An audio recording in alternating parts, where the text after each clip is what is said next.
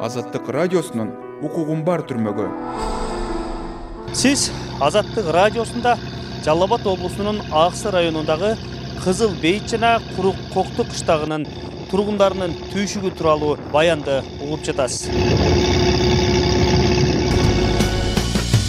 Айланасың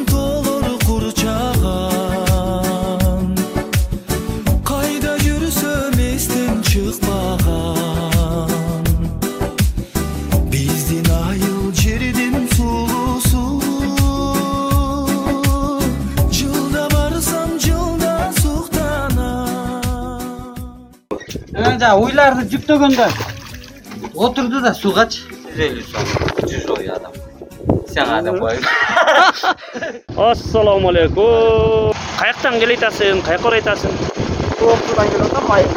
кел көтөрө кой бутун э бир бутун көтөргүн сага ат беле бул.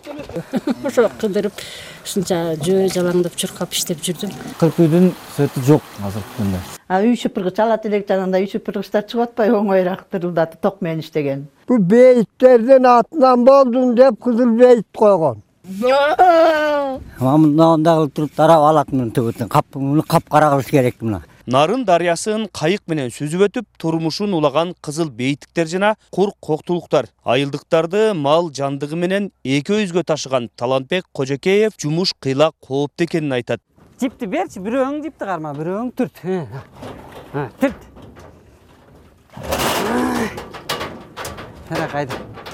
кайыкчынын милдети мелмилдеп агып аткан дарыядан жүргүнчүлөрдү аман эсен өткөрүү. Ой эчки адам келди ошону алып келгени кетип атабыз баса нарын дарыясынын кайык сүзүп өткөн жеринин тереңдиги болжол менен жүз элүү метр. Биз барган учурда кайыкка жылкы менен уй жүктөп ташып жатыптыр. Чыкпайт э! Кел көтөрө кой бутун э бир бутун көтөргүн сага ат беле бул кетти да эми кайра. Мына жергиликтүүлөр мал азык түлүк курулуш материалдары сыяктуу күндөлүк турмуш тиричиликке зарыл баардык жандуу жана жансыз нерсени ушул кайык менен алып өтүшөт. Ары бери өтүү кооптуу катуу шамал болуп кайык аңтарылып адам өлүмү менен аяктаган кырсык да болгон дейт кайыкчы талантбек кожокеев мурда бул болбогондо бүт канча деген адам өлүп кеткен. Бүт кайыкчылардын канчасы өлдү? Биякта сегиз адам чоң ата чоң энелер өлгөн. Бүгүн так канча? Беш рейс кылдым он тогуз карамал алып өттүм акчасы кандай кылып эсептейсиздер ар бирине элүү сомдук списокто барлар. Жылына төлөйт да беш миң сом. Алар айлык бир үй бүлө. Бир үй бүлө. Ошолор гана ошо элүү сомдон төлөйт анан жанагындай чужой чожумдар алып келет го ар бир үйгө жүз элүү сом токтотуң токтотуң кел секир секирип түшө берейин э? Мына биз бул нарын дарыясына кайык менен аман эсен сүзүп өттүк. Эми мындан ары куру кокту айылына сапар алабыз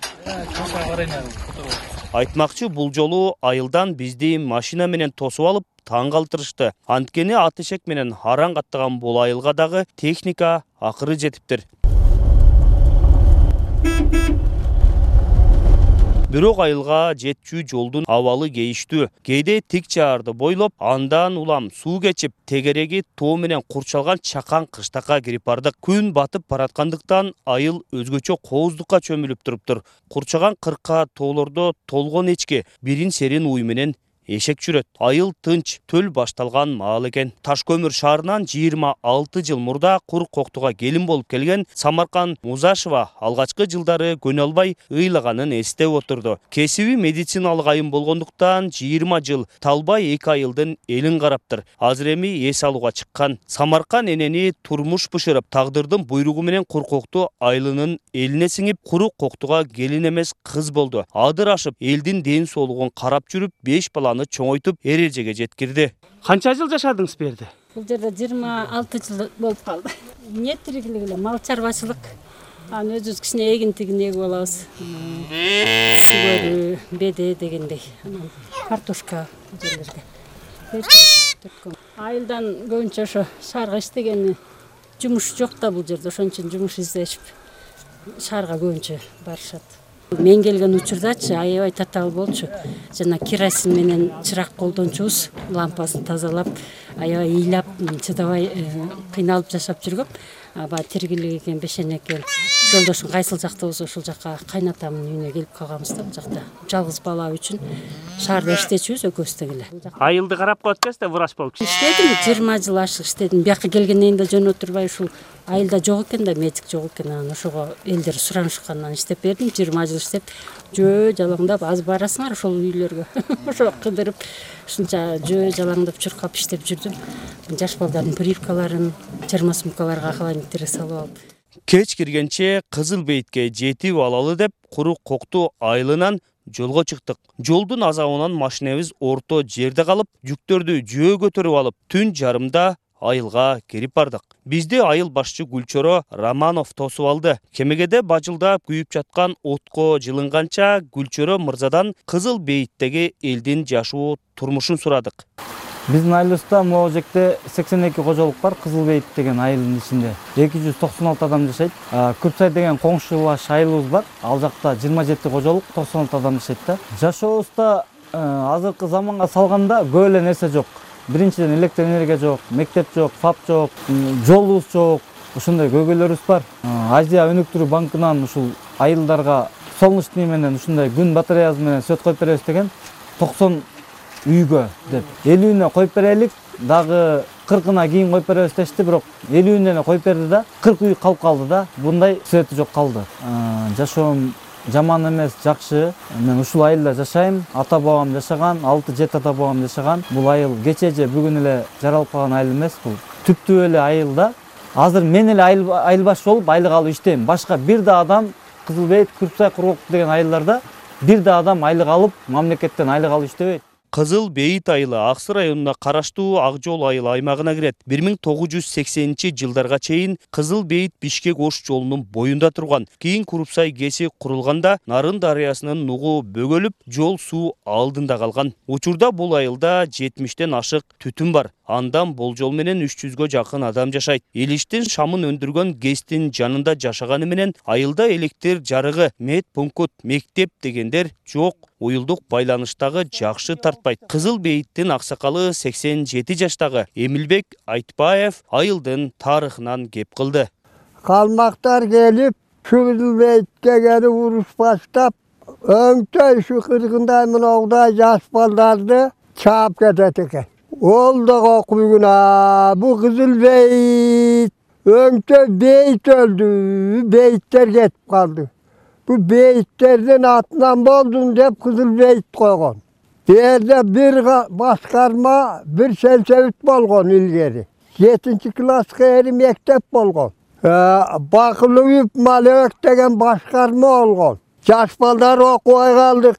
Тегенеге көчүрүп кетти. Тегенеге ушу үй там ташыбызды таштап тегенеге бардык тамак аш начар сыкымчылык жетишпеген убакыт окубай кайта ушул жака бажа бердик бүт балдар отуз кырк бала калып калдык окубай туулуп өскөн жерди эч ким таштай албайт экен жүргөн жерди. Кызыл бейит деген бечара бүт мөмөр кудай таалам ушу кызыл бейит безин деп тигип койгон. Баягы жалбырактардын бүрү түшсө таштар эле көрүнүп калат. Эми мына жалбырактар гүлдөп бүздөсө кызыга турган жер баягы сонун жер. Кызыл бейиттин кышы кыска жайы узак. Айылдын туш тарабы аска тоолор менен курчалгандыктан тыбыттуу эчкилерди багышат. Таң жарып калган маал алтымыш үч жаштагы таңатар ажыканов эчкилердин тыбытын тарап жаткан экен. Бул үй бүлөнүн эки жүз отуздай эчкиси бар. Андан жүз отуз килограмм тыбыт алыптыр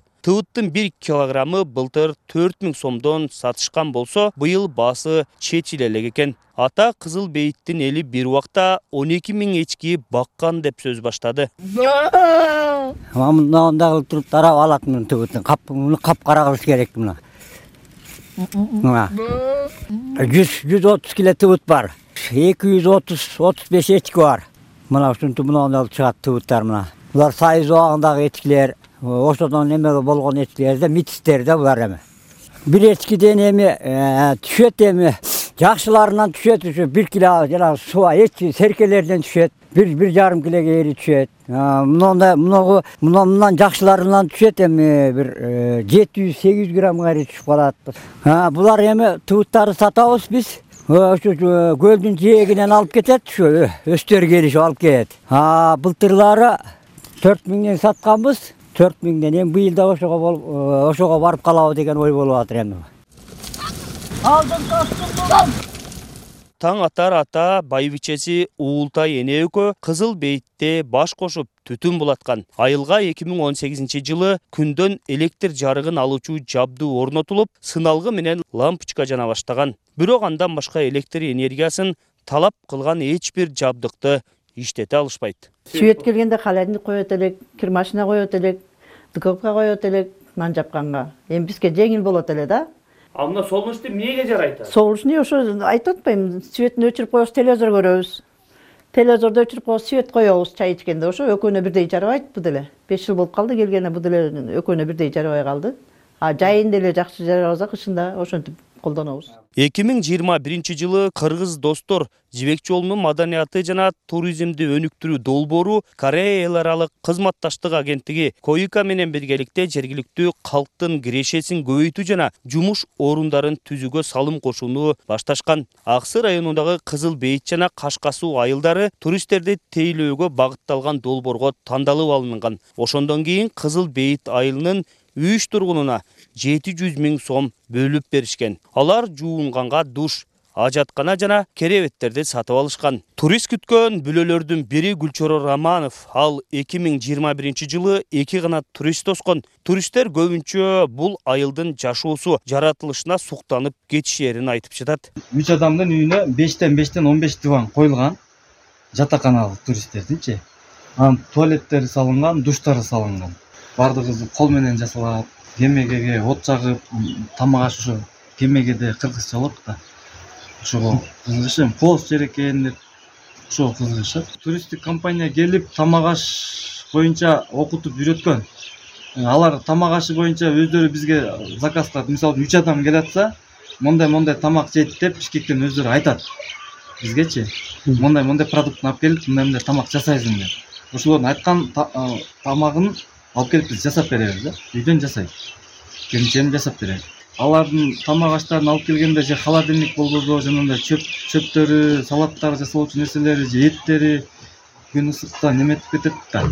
Ачып кетет же бирнерсе болуп кетет же бузулуп кетет. Ошол жактары кыйыныраак да. Жатаканасына ошо беш диван болсо бир миң эки жүз сом. Бир түнгө төлөйт. Обеди ужинуна деп алты жүз сом төлөйт жүйөлү аркылуу көпүрө менен гүлчоронун жети баласы бар. Аларды алып келинчеги эшек ат менен кара көл шаарына жолго чыкты. Балдардын чоң атасы энеси жана атасы айылда калат. Бул айылдын жаштарынын баары эле кара көл жана таш көмүр шаарларына барып окушат. Дем алыш күндөрү гана айылга келип турушат. Гүлчоронун улуу кызы гүлназ инилери менен кайыкка отуруп дарыядан өтүштү. Алар мындай жашоого көнүп деле калгандай. Биз учурда кара көлдөн келгенбиз кызыл бейит айылына. Кызыл бейиттен азыр кара көлгө окууга бара жатабыз. Каникул аяктап калган учуру кооптонбойсуңарбы мына кайыктан жүрүүгө жок кооптонбойбуз баардыгы жайында. Бул жакта жилеттер да бар спасательный. Эгерде толкун болуп кетип турган болсо кийип аласыңар э айыл тургундарынын көпчүлүгү жашы улгайып калгандар. Жаштар элетте көп турбай шаарга ашыгат. Анткени менен ата бабалары жашаган балалыгы өткөн бул жер алардын жүрөгүнө жакын. Ал эми нарын дарыясын сүзүп жүргөн мотордуу кайыктын жаны тынбайт. Ары бери каттаган эл мал жандыктарын кошо салат. Кызыл бейит айылынын аралаган сууну бойлой жапайы алма жаңгак жүзүм өрүк жана тоолгон токой мөмө дарактар өсөт. Айылдын эли карапайым малы ток күнү салкын. Эгер сиз телефон менен интернеттен уулак болуп эс алгыңыз келсе түз эле кызыл бейитке барыңыз мелмилдеген нарындан кайык менен өтүп сай бойлогон жалгыз аяк жолго түшсөңүз сизди түз эле кызыл бейитке алып барат. Жолду өтөсүңөрбү экен да сиз азаттыкты уктуңуз. Бул ирет аны аксынын кызыл бейит жана кургоктуу айылдарынан мен талгат абжалил уулу даярдадым. Бул баянда добулбас тобу аткарган айылды сагындым деген ырын колдондум биздин аудио баяндарды азаттык орг сайтынан подкаст аянтчалардан жана ютубтагы каналдарыбыздан угуп туруңуз. Социалдык түйүндөгү баракчаларыбызга жазылганды унутпаңыз. Азаттыктын сайтына кире албай калдыңызбы? Биздин макала баяндарды видеолорду социалдык медиада эч кандай тоскоолдуксуз таба аласыз фейсбукта кыргыз азаттык уналгысы. Ютубта жана одноклассникиде азаттык. Вконтакте жана инстаграмда азаттык чекит kg твиттерде азаттык радиосу социалдык желиде азаттыктын баракчаларына жазылып кыргызстандагы жана дүйнөдөгү окуялардан кабардар болуп туруңуз. Азаттык элдин жана эркиндиктин үнү элдин жана эркиндиктин үнү